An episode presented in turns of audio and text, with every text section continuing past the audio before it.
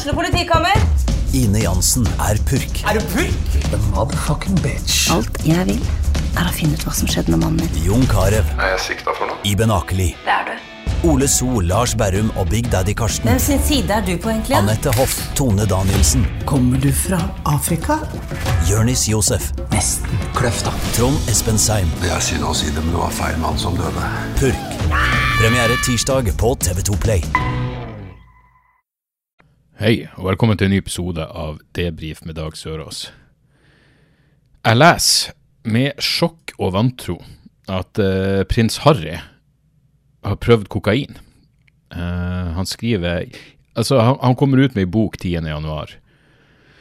Og uh, VG hadde overskrifta 'Bokglipp'. Eh, jeg tror det første handla om at boka i det hele tatt kommer ut, men eh, nei, glippen ser ut til å være at eh, de har eh, gitt den ut for salg i Spania, altså noen har fått tak i den, og det er noen journalister som har fått tak i den, og det virker veldig, veldig spennende. Jeg vil tro det, det er jævlig mye uh, Jeg tror det er jævlig mye snadder i den boka som ikke er i den her helvetes Netflix-serien deres som uh, Ja, altså jeg, jeg, ikke, jeg, husker da vi lærte om kristninga av Norge, så var det visstnok sånn at hvis du nekta å hva Var det Harald Hårfagre? Hvem faen var det som kristna Norge? La oss si det var Harald Hårfagre. Hva enn det var slags jævla langhåra faen.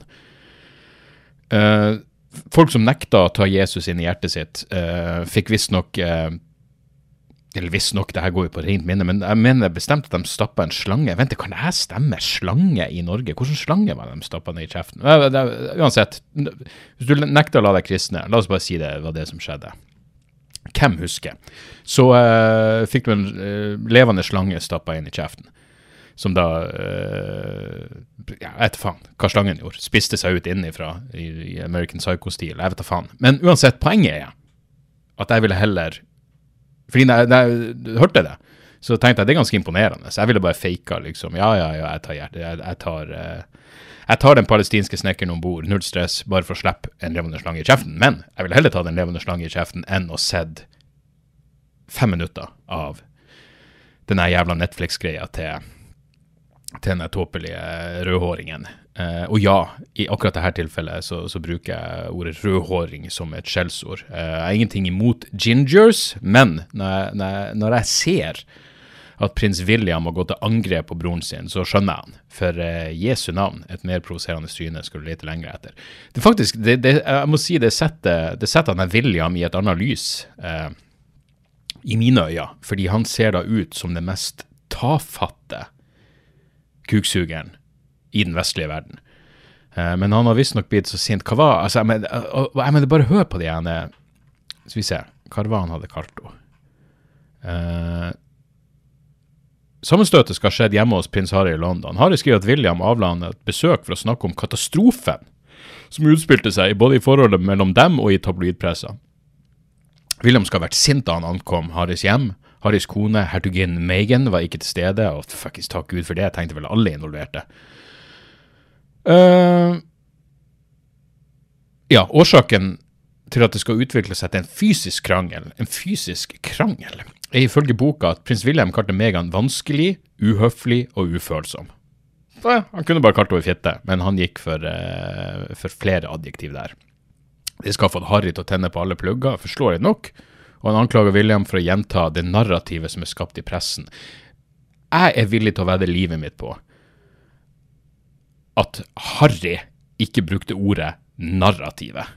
Jeg er 100% sikker på at Harry aldri har brukt ordet narrativet, og at Harry den dag i dag ikke vet hva narrativ betyr for noe.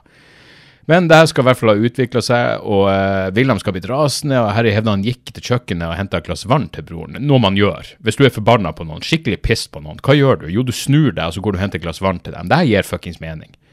William skal fulgt etter ham og ta det imot vannglasset. Så, så er spørsmålet, hva skjer så? Knus William et fullt vannglass i trynet på Harry? Harry forklarte angivelig nå kommer, kommer ordet angivelig. Harry forklarte angivelig at han ikke ønska å fortsette samtalen hvis broren var så sint. William skal da ha satt fra seg vannglasset, for han er jo ingenting om ikke adelig, og gått mot broren. Alt skjedde så fort, så veldig fort. Han grep meg i kragen, rev av meg halskjedet og slo meg i bakken, skriver Harry. Uh, og han fikk skader. Og det her, er, det her er så spesifikt at jeg tror det er bullshit. Prins Harry hevder at angrepet førte til at han fikk kuttskader på ryggen. Igjen, er det fordi William bare knuste glasset og begynte å skjære han? Nei. Han landa på ei hundematskål som knuste. Jeg mener, Fins det noe mindre kongelig enn å ha ei hundematskål stående på kjøkkenet? Jeg mener, Er du ikke fuckings Er du ikke adel i din pikk? Du skal da ha et eget rom til den jævla bikkja der bikkja spiser. Britiske kongehus har foreløpig ikke uttalt seg om boka. Men det som sjokkerte meg, var jo det at Harry forteller om kokainbruk i sin kommende bruk. Prins Harry har brukt kokain. Det var ikke så veldig gøy. Det, igjen, der ser du. Det var ikke veldig gøy. Altså, Si hva du vil om kokain, men veldig gøy er en objektiv beskrivelse. Men Harry sier det var ikke veldig gøy, og det fikk meg ikke til å føle meg spesielt glad, slik det så ut til å skje med andre. Men det fikk meg til å føle meg annerledes, og det var hovedmålet mitt. Å føle å være annerledes. Fikk du ikke nøyaktig det du ville ha ut av det da? Du tok kokain. For det første, å ta kokain for å føle. Hvorfor tar du ikke smertestillende for å føle? Er det noe kokain ikke gjør, så er det å få deg til å føle ting. Det er jo hele poenget, at du ikke skal føle. Du skal flykte fra det rassholdet du egentlig er, med å bli et enda større rasshold, men bare med atskillig mer på hjertet. Du skal bli et rasshold med selvtillit. Men hvis du tok kokain for å føle, og for å være annerledes For det første, du var sammen med andre som tok det, så da er det jo ikke annerledes. Hvis du ville være annerledes, så ville du vel ikke tatt cola, da. Men hvis målet ditt var å føle, og føle deg annerledes, og du endte opp med å føle og være annerledes, så er det jo 100% klaff på colaen. Den funka jo akkurat sånn som du ville. Hvordan jævla Du skulle jo vært en jævla kongelig hvis du ikke hadde tatt cola. Selv William har jo tatt cola. William var jo på cola da han smekka den der irriterende jævla broren. Åh, det er så mye underliggende hat mellom de der to, fordi de vet at de egentlig ikke er blodsbrødre, at de har vilt forskjellige jævla fedre. Eh, men det verste med hele det fuckings Og det her er det for, Altså, jeg satte meg ned bokstavelig talt for Hvor lenge har jeg snakka? Jeg har snakka i seks, syv minutter. Ok, da satte jeg meg ned for ni minutter siden og, forholdt, og leste om denne saken.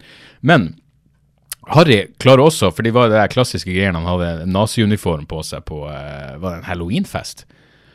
Um, et kostymeparty. Og det var ikke hans feil. Jeg mener, hør på den her. Hør, for, fordi, altså, igjen. Jeg så traileren til Netflix-serien, og da skilte, det skinte jo sin i helvete tydelig gjennom at det her er den mest underdanige jævla Jeg mener, det, det er så liten tvil om at det er kjerringa som ikke bare bruker buksen og pisken, men har fuckings all autoritet i det forholdet. Faen for en ynkelig satan. Men om nasekostymet sier han følgende Det skal ha stått mellom en politiuniform Nei, mellom en pilotuniform. Sorry. Jeg var inne på nazikostyme, og så gikk jeg rett for politiuniform. Sorry, Freud. Det skal ha stått mellom en pilotuniform og nazikostyme. Jeg ringte Willy og Kate og spurte dem om hva de syntes. De svarte naziuniform, skriver Harry. Jeg mener, hvor gammel var han på det her tidspunktet? 20 år gammel! 20 år gammel, og så skal du skylde på broren din. Vet du hva enn jeg har gjort upassende i det her livet? Sorry, det var lillebrorsan sin feil. Eh, jeg spurte lillebrorsan burde jeg gjøre det her, og han sa absolutt. absolutt. Gå for, det. Gå for verst mulig løsning hver jævla gang. Det her er altså så jævlig ynkelig. Stå nå bare for det, i det helvete. Han hevder at han senere prøvde kostymet for dem, og at de begge vrælte. Verre enn Willys trikotkostyme. Mye mer komisk. Ja, tenk at du klarte å være mer komisk enn Willy. Tenk det. Se satan, altså. Det er så uh, Gud, for noen triste jævler. Jeg mener, Den som kommer best ut av det her, er jo Eller, det er jo, det er jo faen meg prins Charles. Jeg tipper prins Charles nå er innerst inne er Han kan ikke gå ut offentlig og si det, men han er stolt over det faktum at han ikke er faren til Harry. Uh, for en ynkelig jævla gjeng. Utenom det Det er noe med det der med ansvarsfraskrivelse. Hva var det, hva var det jeg så nå? Det sto at Skal vi se her Putin skylder på egne soldater. Da er det tydeligvis uh, uh, Hvor enn mange det, det, det er snakk om noen hundre, I mean, New York Times påstår de 500 russiske soldater som ble, eh, som ble drept. Eh, 89 står det her i Aftenposten nå. 89 stykker i et angrep på nyttårsaften ble skolebygning i Ukraina jevna med jorda. Ukrainerne mener de tok livet av 400 russiske soldater. Russerne selv innrømmer at minst 89 mista livet. Så la oss bare, ta, la oss bare si 200, da. Det er sjelden kost at uh, Russland innrømmer tap. Men nå peker Vladimir Putins menn Det, det er jo ikke Putin som legger skylda på, på, soldatene, det er jo Putins menn. Men uh, de mener at de hadde mobilene på. Og hva, hva, Ja, det vet vi jo. om 5G-en, at den er livsfarlig. Uh, så vi ser her ja, Var det egentlig noe mer interessant? For det er mange som ikke godtar forklaring om mobilbruk i Russland. Russiske kilder og vestlige etterretninger har nemlig langt flere forklaringer, på at angrepet kunne skje. Ja, men det er et eller annet med det der. Legg for all del skylda på andre, hvis du er en ynkelig faen. Men det, det, er det som er, når, når det kommer liksom med Å, det var det mobil, de har tatt mobiltelefoner på, det er derfor de ble drept. Og så kommer det sånn ordentlige forklaringer. Så blir det bare sånn Det blir kjedelig. Bullshit og løgner er generelt mer interessant enn eh, nøkterne analyser basert på, på, på troverdige kilder og, og liksom eh, rasjonalitet. Jeg, mener, jeg tenkte på det nå når jeg så eh, for jeg hadde nesten tenkt å, å, gjøre noe så uvanlig som å gi Joe Rogan props for en bra episode, men jeg har ikke fått hørt den ferdig. Jeg hørte bare starten. Men Joe Rogan hadde i hvert fall en fyr som har skrevet en bok som jeg har lyst til å lese, som handler om eh, kobaltutvinning i Kongo. Cobalt Red, tror jeg boka heter. Og det er jo et eksempel på uh, strålende bruk av verdens største podkast. Uh, du får Du har som gjest en fyr som har jobba med si, moderne slaveri og og konfliktmineraler og fanden vet, i årevis. Og så han skrev en interessant bok om et interessant tema, og så har Rogan han som gjest. Jeg, jeg, jeg, hadde ikke hørt om, om denne boka før, før, jeg så at han var gjest hos Rogan. Men jeg har ikke hørt ferdig episoden, så kanskje Rogan sier noe helt fuckings tåpelig der. Kanskje han begynner å prate om vaksine der også, for alt jeg vet. Men uansett, i går hadde han tydeligvis Brett Weinstein som gjest igjen. Og det har spredd seg det, det her kunne igjen. Jeg ville, heller, jeg ville heller sett Netflix-serien om Megan og Harry enn å høre på Joe Rogan og Brett Weinstein prate i tre og en halv time. Men på Twitter har det jo spredd seg et klipp som er helt fantastisk, hvor Joe Rogan sier at han er Altså, det her er når, han, når han, snakker her, så er det det er genuint imponerende av at, at, at han bare ikke imploderer av ironi. Jeg mener at det går an å være så blotta for selvinnsikt, men da sier han at han er immun mot bullshit. Han er immun mot bullshit fordi han vokste opp uten en far, og han vet at alle mennesker der ute mener deg ikke vel. Han vet at det er noen sketsjige folk der ute. Så derfor tror han på Brett Weinstein sine påstander om vaksine. At vaksiner ikke engang er i vaksine. At han er jævla uh, McCullough og hva heter han andre, Robert Malone. De er ikke sketsjy. De er ikke fulle av bullshit. Nei, nei, nei, på ingen måte. Det tar deg fuckings 30 sekunder å debunke deres bullshit. Men nei, nei, nei, det er ikke bullshit. De er ikke sketchy folk. Brett Weinstein er bokstavelig talt på Alex Jones-nivå. Han høres bare ikke like sinnssyk ut fordi han har denne måten å prate om. De sitter og prater om at eh, hvis du ikke skjønner at Ivermectin er det mest fuckings fornuftige å ta vis-à-vis en covid-infeksjon, så lever du i matrixen.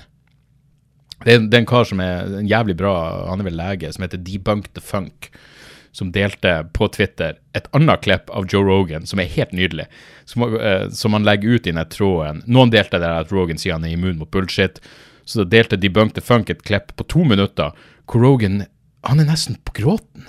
Fordi han har sett et YouTube-klipp hvor en far banker sin egen sønn. Og så sier han det der er sønnen din. Du skal ikke slå han sånn. Hvis du har lyst til å vise han at du kan ta han, bare slå han litt i kroppen, men du må ikke slå han ned. Han kan få hjerneskade av det der. Det er en far som behandler sin sønn på den måten. Og så sier han der Jamie Vel, det er faktisk ikke det som er rett. Uh, det der er ikke far og sønn. Da sier Rogan hæ? Men det står jo i videobeskrivelsen at det er far og sønn. Ja, og så sier han Jimmy ja, det gjør det, så du skal få flere klikk. Og da sier Rogan, i et fuckings han må, han må ha hatt et slag der, hvor han hadde et slag med selvinnsikt. Hvor Rogan bare sier 'I'm such a sucker'. Ja, det er du virkelig. Og at du fortsatt kan sitte der i 2023. Hvordan verden er det du lever i? Hvis du fortsatt tar Brett Weinstein seriøst. Jesu jævla navn, Joe Rogan. Er, du, du har ingen kapasitet for å lære. Jeg mener, det skal så lite til. Og han er ikke engang i tvil. Han, han, har, han har, virkelig sett inn i det her. Han, han har, har, gjort sin egen forskning. Og så har han prata med McCullough og Malone og Brett Weinstein og faen vet. Majid Navas. Vas. Helvete, altså. Mm. Men det må nå bare være. Alle de dildoene må jo bare holde på. Jeg så et annet klipp av Jordan Peterson som satt der med et Elon Musk-slips på seg. Et, et slips med små Musk-hoder og en Twitter-dress. Jeg mener, er ikke Jordan Peterson kristen? Skjønner han ikke at dette er avgudsdyrking? Jeg mener, det eneste som er verre enn Elon Musk, er jo alle de ene pikkguble... Pikkgublerne. Så det er det som skjer når du egentlig har, har gobbler Ja, alle de her som skal fortære penisen til Elon Musk, er så ulidelig mye flauere enn all den idiotien som renner ut av tastaturet, og til, eh, tidvis kjefter mange til Elon Musk. Fikk dere med dere at Elon Musk sa at eh, grunnen til at han måtte gjøre denne appen ulovlig som kunne spore hvor eh, privatflyet hans var, var at en fyr hadde angrepet han og familien hans på grunn, via denne appen. Hadde det ikke vært for den appen, så han kan visst hvor han var. Og så viser det seg at det stemmer jo ikke i det hele tatt. Eh, Washington Post har en artikkel om det, hvor de har til og med prata med han fyren som angrep han. Eh, Nope. Det var ingen sammenheng der. Men hvor nøye er det? Det, det, det er jo jeg mener, når, folk sammenligner Trump og Elon Musk, så er det bokstavelig talt korrekt. Ja, Nå ser jeg at det er jo der Taylor Lorenz har skrevet den Washington Post-artikkelen, så da, da, blir jeg skeptisk. Men uansett. Det er liksom det moderne medieøkosystemet, er at du bare sier ting. Så har du fått din historie ut der. Og så hva en slags oppfølging og debunking som kommer av historien din. Nei, jeg, jeg, sa det jo. Jeg sa Jeg løy. Nok en fuckings gang. Jeg, jeg gidder ikke mer Elon Musk. Slapp av, jeg skal ikke prate mer om han. Jeg kommer nok til å prate om, om han i apokalyppeshowet mitt, men hvis dere vil ha uh, ei, ei, verbal, retorisk og analytisk revkjøring av Elon Musk, hør siste episode av uh, Decoding the Gurus, hvor de tar for seg Elon Musk. Hvor uh, ja, det er bare en uh, Jeg syns det var en jævlig bra episode. Og uh, mest interessante for meg er jo hvordan de bare går gjennom Altså, jeg, jeg visste ikke at han løy så åpenbart om, eh, om både Neuralink og det jævla hyperloop og alt det pisset. fordi ja, ja, raketter som kan fuckings lande sjøl, er jo imponerende, selv om det visstnok ikke var en helt ny ting. og som sagt, han er en god hypeman, men Neuralink er jo bare etter så jeg kan forstå, fuckings svada. Rent jævla svada. Og det beste poenget de kommer med, er hva er oddsen for at en fyr er et geni? Jeg mener, han sier ting som at uh, han, han, han, skulle se på en ferdig altså Sånn som jeg husker det, så var det Han skulle se på en ferdig Tesla, og så fant han deler i Teslaen som ikke trengte å være der. Og det var vel noen folk som jobba i uh, bilproduksjonindustrien som sa at det der er totalt, det der er hinsides løgn. Det er ikke sånn det fungerer. Det er ikke som Tesla vil putte inn en masse deler som de ikke trenger, og så kommer Elon Musk og oppdager dem og bare fjerner dem. Hei, vi kan fjerne alt det her, vi trenger ikke det i det hele tatt. Og bilen fungerer nøyaktig like bra. Det er åpenbart svada, men at han går fra, fra fuckings Han er rakettforsker og hjernekirurg og elbilprodusent og et fuckings finansgeni. Hva er oddsen for alt det her? Minimal. Han er, han er åpenbart en god forretningsmann eh, nådeløs, men, men, god til å hype opp aksjer. Og det er jo jobben hans. Han er en hypeman. Ære være han for det. Du vil garantert ha han på laget ditt hvis du har noe som trenger å få, uh, å få oppmerksomhet. Men det gjør han ikke til uh, oh, hva, hva, faen er ordet som brukes? Polymath. Uh, ja, han, han, er ikke noe, noe flerbruksgeni På noen jævla måte. I den grad han er et geni. Han er en genial hypeman. Det skal han ha. Uansett øh, Håper det står bra til med dere. Det ble jo det ble en litt lengre pause. Håper jeg det er så bra. Jeg håper jo selvfølgelig det er så bra til med dere, men det er jo ikke akkurat det Det er ikke det hovedfokuset mitt akkurat nå. Det må jeg jo innrømme. Hovedfokuset mitt nå er jo at jeg skal, jeg skal ut på turné. Neste måned starter Apokalykke-turneen min opp, og øh, Ja, jeg gleder meg som faen. Jeg har heldigvis noe, noe testshow øh, denne måneden. Uh, skal til Grimstad og Kristiansand og Porsgrunn og noen rare plasser som jeg aldri har vært før. Alt ligger på dagsoras.com. Men så er det, så er det førpremiere på Finnsnes 16. februar, og så er det altså premiere i Tromsø 17. februar, og der er det bare en håndfull billetter igjen. Så jeg er hele den jævla hovedscenen på Tromsø kulturhus smekka. Uh, og billettene går til showet dagen etterpå i Tromsø, ekstraforestilling den 18. Så uh, ja, det er jævlig Jeg solgte bra med billetter i jula. Manageren min ringte meg og var sånn Ja, det er faen det her. Og da, jeg, da står det vanlig, eller vanligvis, hva vet jeg, men, men uh, jeg hadde regna med at billettsalget ville stå stille i jula, men det gjorde det ikke. Så om det bare er siste sekund julegaver eller nyttårsgaver, faen vet, men pris settes det uansett på. Uh, for å sitere han den lille kuken i, i Star Wars. Så, så det, blir, det, blir, jævlig gøy. Um, det var egentlig det viktigste jeg hadde å plugge, plugge akkurat der. Um, til de av dere som, som, støtter meg på Patrion, så, så, skal jeg få ut en, en bonusepisode i løpet av noen få dager, kanskje allerede i morgen den dag. Uh, Patreon.com slash Dag Soras. Da får dere i hvert fall et par bonusepisoder i, uh, i måneden. Og uh, ja, litt mulighet til litt snacks. Jeg skal være med på en roast senere denne måneden av Erik Follestad. og da blir jeg per vanlig å ta opp mitt lille bidrag, og så blir jeg legge, legge ut et lydklipp av den roasten på, på Patron. Det ligger flere andre roaster som jeg har vært med på allerede ute der, i tillegg til en del ting som uh, som ikke kan ses andre plasser, i tillegg til, til vanlige bonusepisoder. Som altså er, er klar for, eh, for, eh, digital fortæring. Ellers så eh, vandra jo Shabana Rehman videre eh, for kort tid siden. Jævlig trist. 46 år gammel. Eh, jeg husker ikke om jeg nevnte det.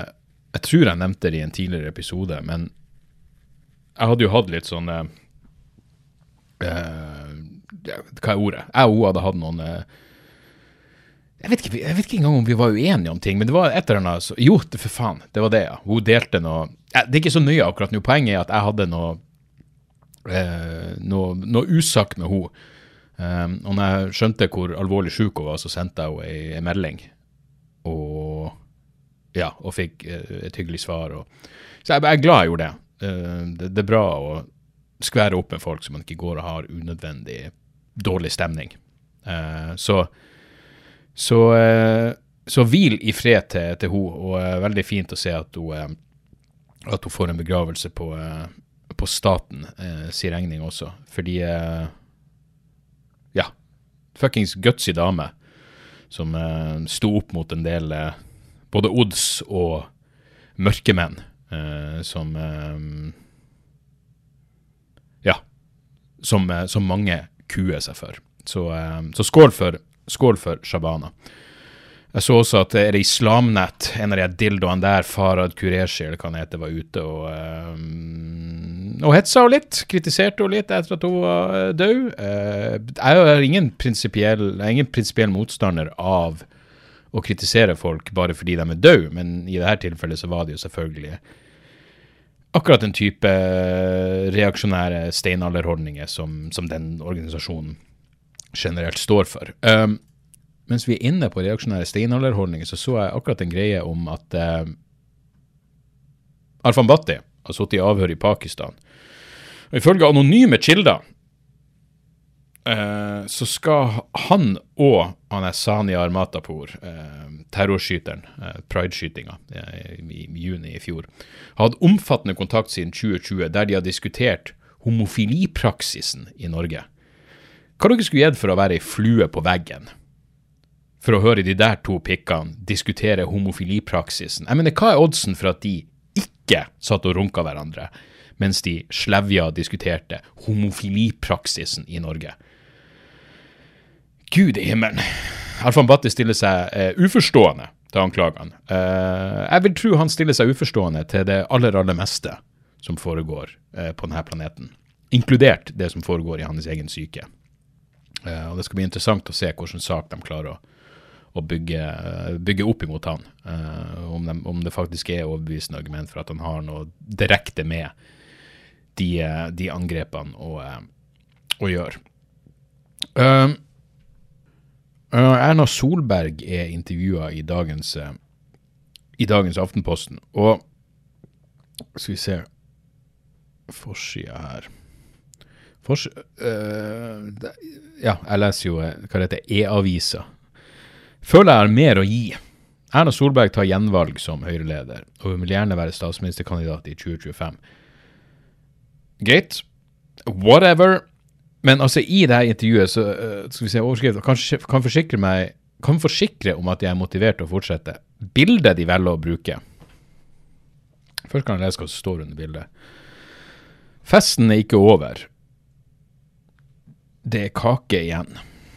Erna Solberg har ikke tenkt å gi seg som partileder og vil tilbake i statsministerstolen. Da er det altså et bilde av Erna Solberg som står foran en kakedisk for å, for å sikre seg litt snadder. Det er jeg mener, Hvordan skjer det? Er, er, er, det Erna Solberg som bare sier 'jeg må bare ha noe fuckings kake', eller er det Aftenposten som, som sier 'du kan ikke kjøpe litt kake på vår regning', og så får vi et bra bilde ut av det? Eh, gutsy. Gutsy å gå for akkurat den. Uh, gudene skal vite at det, det kommer ikke noe fatshaming fra denne jævla kanten. Helvete. Jeg har gått opp tre kilo i jula. Tre fuckings kilo. Fikk en, eh, jeg fikk en gave i dag i, i postkassen fra fra et, eh, et, band fra Trondheim som jeg plugga tidligere, som heter Hypermass. Jævlig bra band. De sendte meg en vinyl og en CD, og så sendte meg ei T-skjorte. De har ikke spurt meg på forhånd om størrelse, de bare gambla på at jeg bruker large. Og det stemmer jo. Men vanligvis bruker jeg faktisk, tro det eller ei, størrelse medium. Men etter denne jula, etter denne jævla jula, så er det altså Det er large på denne gutten. Og det er jo noe deprimerende med det å vite at jeg klarte å gå opp så mye pga.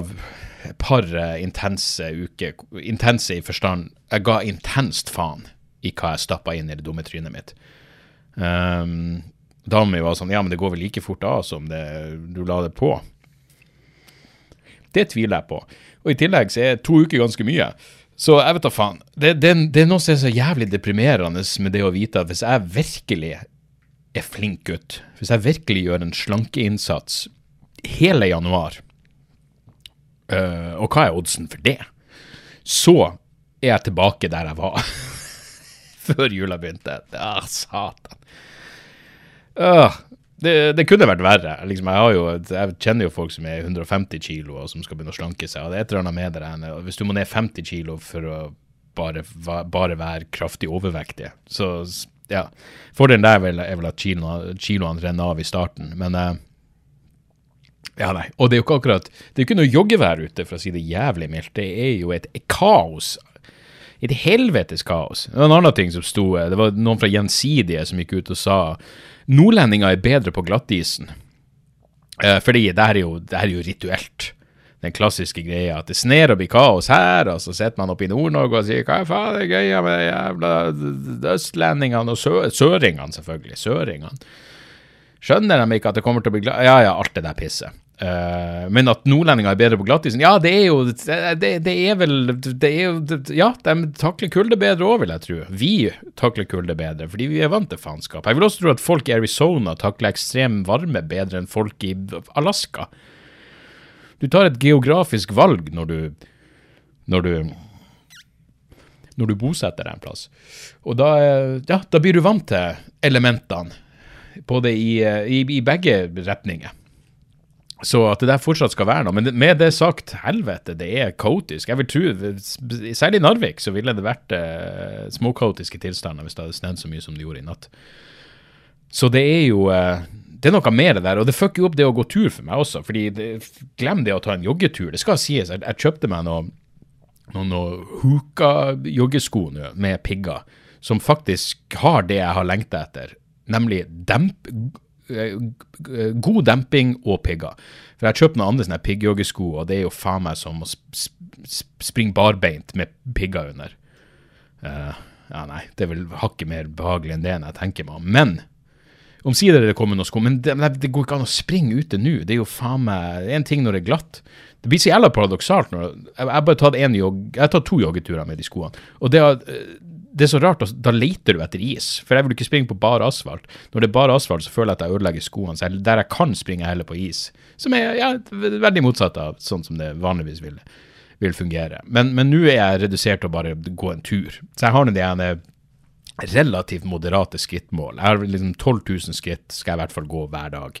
Og da jeg begynte på søndag, så jævla anal er at eh, 1. januar så, så er det sånn, ja, nå er det kaloritelling, og det er fuckings i hvert fall eh, 12 000 skritt om dagen, og så, eh, og jogging når muligheter byr seg. Jeg har jo romaskiner òg, men det, så, det sitter så langt inne. Det sitter så helvetes langt inne å begynne med den romaskinen. Og problemet var, før jeg lærte meg ordentlig roteknikk, så var det lettere å ro, fordi det, jeg tror det er det samme med liksom, hvis du har ordentlig løpeteknikk og virkelig hever knærne, så blir det litt tyngre å, å springe i starten. Eh, I lengden er det jo absolutt bedre, men sånn er det i hvert fall med roteknikken. Jeg lærte meg ordentlig roteknikk, at du virkelig skal sparke fra med føttene før du drar bak med armen. Det ble så mye tyngre å ro eh, nei, når du gjør det riktig, at jeg ble helt demotivert. Og nå er det jo evigheter siden jeg har gjort det, og jeg vet hvor tungt det kommer til å være. og det er et eller annet med å sette det, det, Grunnen til at jeg holder ut de fuckings joggeturene, er at jeg er ute og springer jeg først bort til fuckings Skullerud, så vet jeg at jeg må hjem igjen. Jeg kan ikke ta bussen tilbake. Så, jeg, så det er en helt annen motivasjon, og i tillegg til lufta, selvfølgelig, og alt det der, enn, enn å liksom sitte enn å sitte her i fuckings tredje og svette i Ja, nei. Men jeg blir jo nødt, hvis, hvis det bare fortsetter å sne. Det er fortsatt et helvetes helvetes vær ute. Så, eh, så vi får nå se. Det er jo på ingen måte deres problem. Men jeg føler meg virkelig som en av folket nå, når, når liksom eh, driver og setter fokus på vekta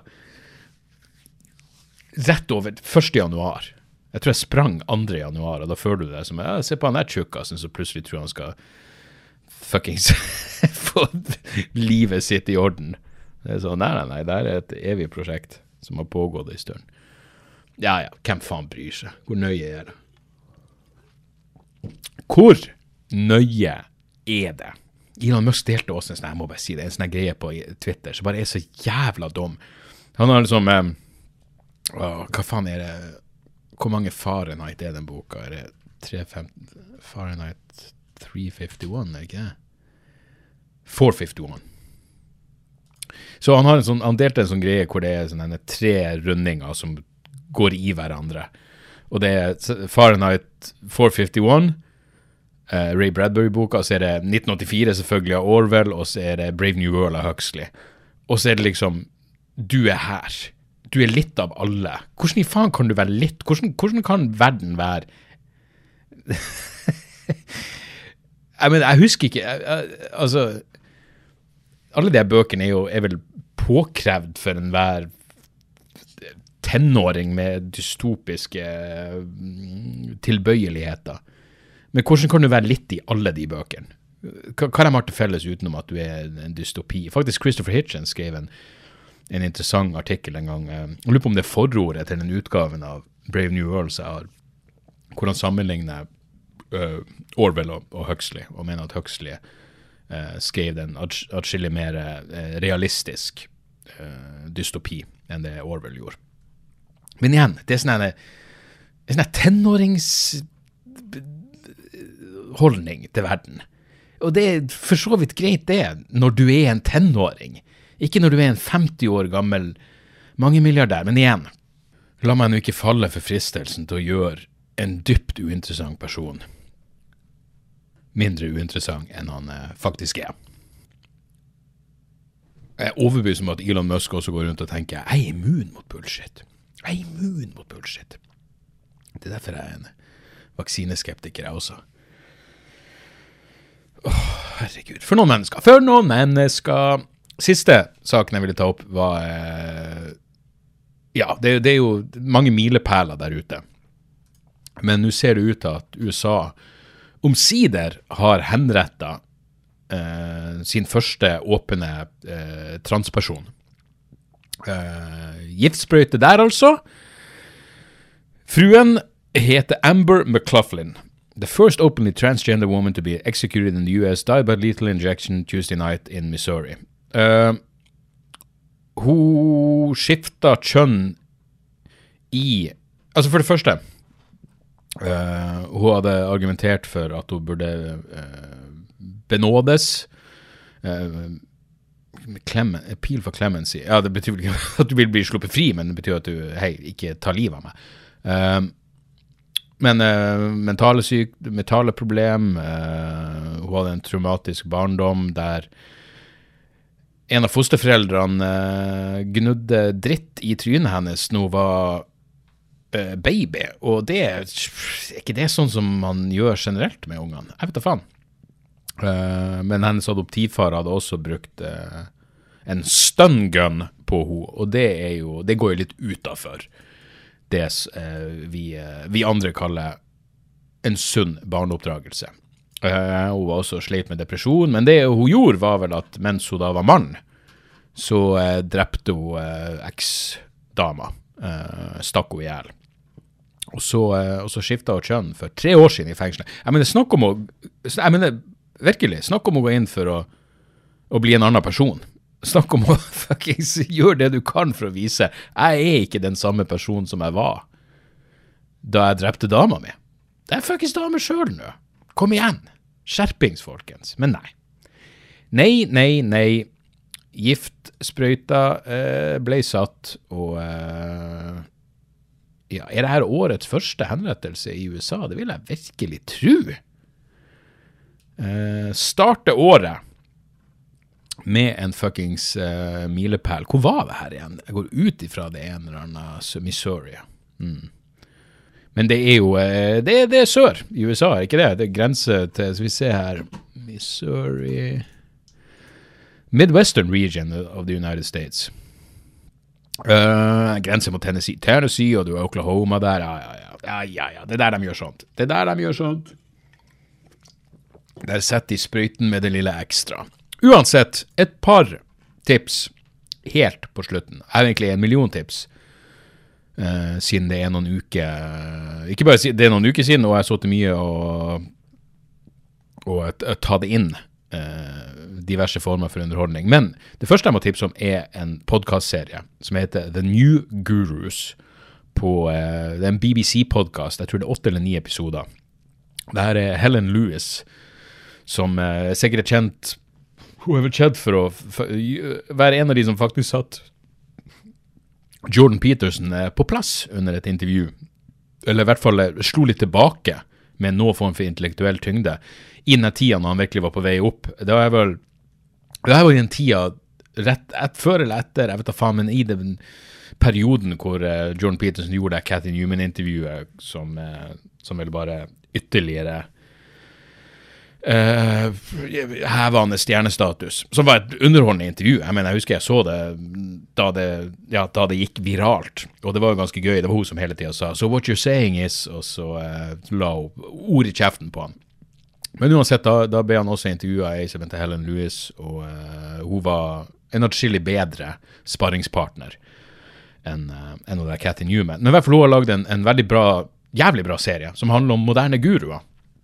Uh, og det er bl blant annet en episode om Intellectual Dark Web, og det er det denne uh, Manosphere, sånne uh, date-dildoer, i mangel av en bedre beskrivelse. Det er folk som uh, liksom spår fremtida. Det er sånne wellness-guruer som prater om å drikke sin egen piss. Jævlig interessant. Bra lagd. Hver episode er en halvtime. Det er straight to the point. Du vet det er ordentlig produsert fordi det er en BBC-greie. Men den er jo i stor grad inspirert av ei bok som jeg også vil anbefale, som havna på min topp eh, Jeg la den ut i sånn liste over bøker som jeg anbefaler fra året som har gått. Vet du, la det er jo en sånn årlig greie som jeg har, siden legger liksom ut favorittplater på Instagram og Facebook. Mine favorittplater og eh, favorittbøker eh, og sånt. Og når jeg da så på den lista jeg la ut over mine, mine boktips fra året som har gått For det er ikke sånn at alle bøkene kom, kom ut i 2022. Det er liksom det jeg har har lest og hørt på som, som jeg har lyst til å anbefale videre. Men i hvert fall når jeg så på den lista mi etter at jeg hadde lagt news, tenkte jeg jeg skjønner, det her er ganske mye deprimerende greier. Det er mye apokalypse og konspirasjoner og atomvåpen og faenskap. Men The New Gurus, podkastserien, er i stor grad inspirert av en bok som jeg virkelig vil anbefale, som heter Strange Rights. New Religions for a Godless World av Tara Isabella Burton. Fordi akkurat denne ideen om at det oppstår et vakuum når religion forsvinner mer og mer i et samfunn, at det oppstår et ja, et, ja, et spirituelt vakuum, et sekulært, hva enn du vil kalle det. Ikke et sekulært vakuum, det blir vel ikke rett. Men, men, at folk har behov for å finne noe større mening, ting å se opp til, en slags transcendental sannhet, eh, et eller annet som skiller dem ut, et eller annet mer eller mindre abstrakt så den kan feste identiteten sin til. Det, det virker bare som et et, et, faktum. Det er en del av vår uh, natur, i hvert fall for mange mennesker. Og uh, um, det er det hun er, uh, Tara Isabel Burton tar, tar, for seg i denne boka. Og det igjen, det er liksom Det er all slags wellness-kulturen og alternativ medisin og ja, diverse former for for guruer, social justice-aktivister. Peterson er en del av det. Um, Internettkultur generelt. Jeg mener, det, det er en jævlig interessant bok, og uh, virkelig uh, i tida på alle måter. Så Strange Rights vil jeg anbefale, og så uh, Skal vi se, hvilken skive? Det er jo flere. Du, det, det er et band som heter Gloson, Gloson. De er svensk. Men for meg i Sverige i 2012. Uh, jeg er ikke helt sikker på hvordan det, hvordan det uttales. Fuck, spilte de på Spilte de på Inferno i år? Helvete. Ja, uansett. De, de, det er svensker som virkelig kan sine Som virkelig kan sin Cult of Luna. Og skiva heter The Rift. Og hvis du liker Cult of Luna, Neurosis, Amenra dere for de av dere som vet dere vet, det er det atmosfæriske, sludgy, blodheavige Jeg fuckings elsker det. Jeg, jeg, jeg, får aldri nok av den typen. Hva enn den sjangeren er, så treffer den meg så jævlig eh, rett i hjerterota. Så eh, hvis noe av det høres ut som det er i nære Hvis du liker Cult of Luna, så vil du like Glosen, Glosen, The Rift. Meget, meget så jævla fett. Og så så jeg en film i jula som eh, Jeg vet ikke, det, det, det, det er flere film Jeg så en, en, film som heter Girl in the Box. Og det er ikke så ofte jeg ser ting Jeg har jo ekstrem jævla klaustrofobi. Men når jeg satt og så denne filmen med fruen, så, eh, så, så, ble jeg sånn Fuck, jeg, jeg tror jeg nesten jeg må slå av det her. Delvis fordi det er så jævla klaustrofobisk, og delvis fordi det er en sann historie. Og det handler kort fortalt om ei, ung eh, jente som eh, ei ung dame som blir kidnappa av et sadistisk par. Eh, og så driver de og ja, har hun i en boks, rett og slett. Eh, og det er fuckings akkurat så uhyggelig og jævlig som det høres ut. Men det som da skjer, er at de har henne Hvor mange år? Er det fem år? Eh, jeg husker ikke hvor lenge hun var fanga hos de jævla folkene. Men det er jo det, det psykologiske aspektet Uh, skal vi se, Hun var 22, mai 77, Colleen, 22-year-old hitchhiker. Kidnappa a young couple and spends the next seven years being their slave and babysitter. Og Det som skjer, er selvfølgelig at hun blir brutt ned uh, mentalt, sånn at hun til slutt Minner om henne, hva heter det?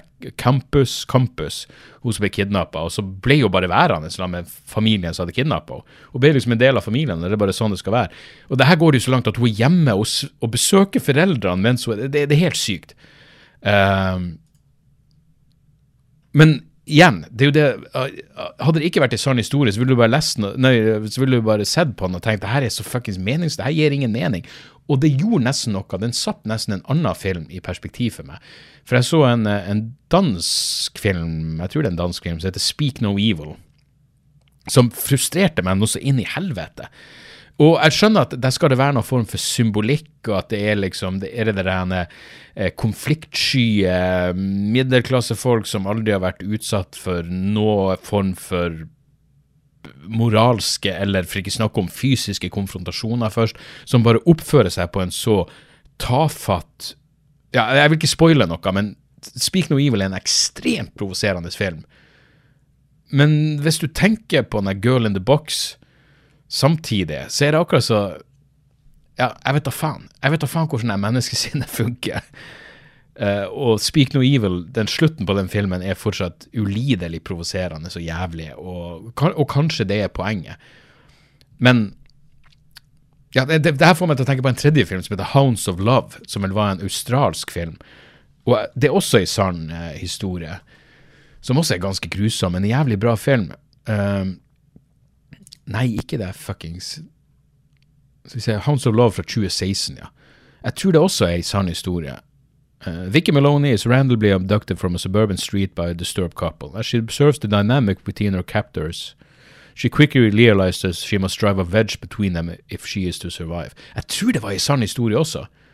Um, men den Hounds of Survival er, nei, Hounds of Love er, er, er den grimmeste av alle de her filmene den er faen meg smertefull å se på. Men der er psykologien helt annerledes, for der har du et offer som klarer å Igjen, jeg husker ikke, det er noen år siden jeg så den, men der har du et offer som, som er fokusert på å komme seg fri, og gjør det hun kan for å, selvpreservering og, og selvforsvar og, og, det å overleve. Så hun bruker psykologien imot de som holder henne til fange. Så fuck. Folk er forskjellige, tydeligvis, og folk reagerer eh, forskjellig. Men uh, at det finnes noen monster der ute, det er det uansett ingen jævla, jævla tvil om. Så det var vel en slags Var det en slags anbefaling av Girl in the Box? Ja. Anbefaling av Speak No Evil? Tja. Anbefaling av Hounds of Love? Absolutt. Uh, men det er også fordi den har den mest, paradoksalt nok, den mest fuckings oppløftende budskapet. Uh, som er at hvis du først er tatt til fange av et par som viser seg å være voldelige psykopater. Bare stikk. Hvis du får muligheten, fuckings stikk. Ikke vær en slave i syv år. Så fremst det lar seg gjøre, da. Uh, det, var, uh, det, var, årets første episode, folkens. Da er vi i gang. 2023 er i gang. Annus Horribilis 2022 er lagt bak oss. Uh, jeg håper som faen at dere tar turen når jeg nå legger ut på turné, enten det er prøveshow i januar og februar eller turneen som starter opp, Apokalykke, kommer til å bli, eh, det kommer til å bli gøy. Jeg gleder meg som faen til å komme i gang. Så da gjenstår det bare å si takk for, uh, takk for praten. Takk for at dere hører på. Vi uh, høres snart igjen. Tjo og hei. Har du et enkeltpersonforetak eller en liten bedrift? Da er du sikkert lei av å høre meg snakke om hvor enkelt det er med kvitteringer og bilag i fiken, så vi eh, gir oss her, vi. Fordi vi liker enkelt. Fiken superenkelt regnskap.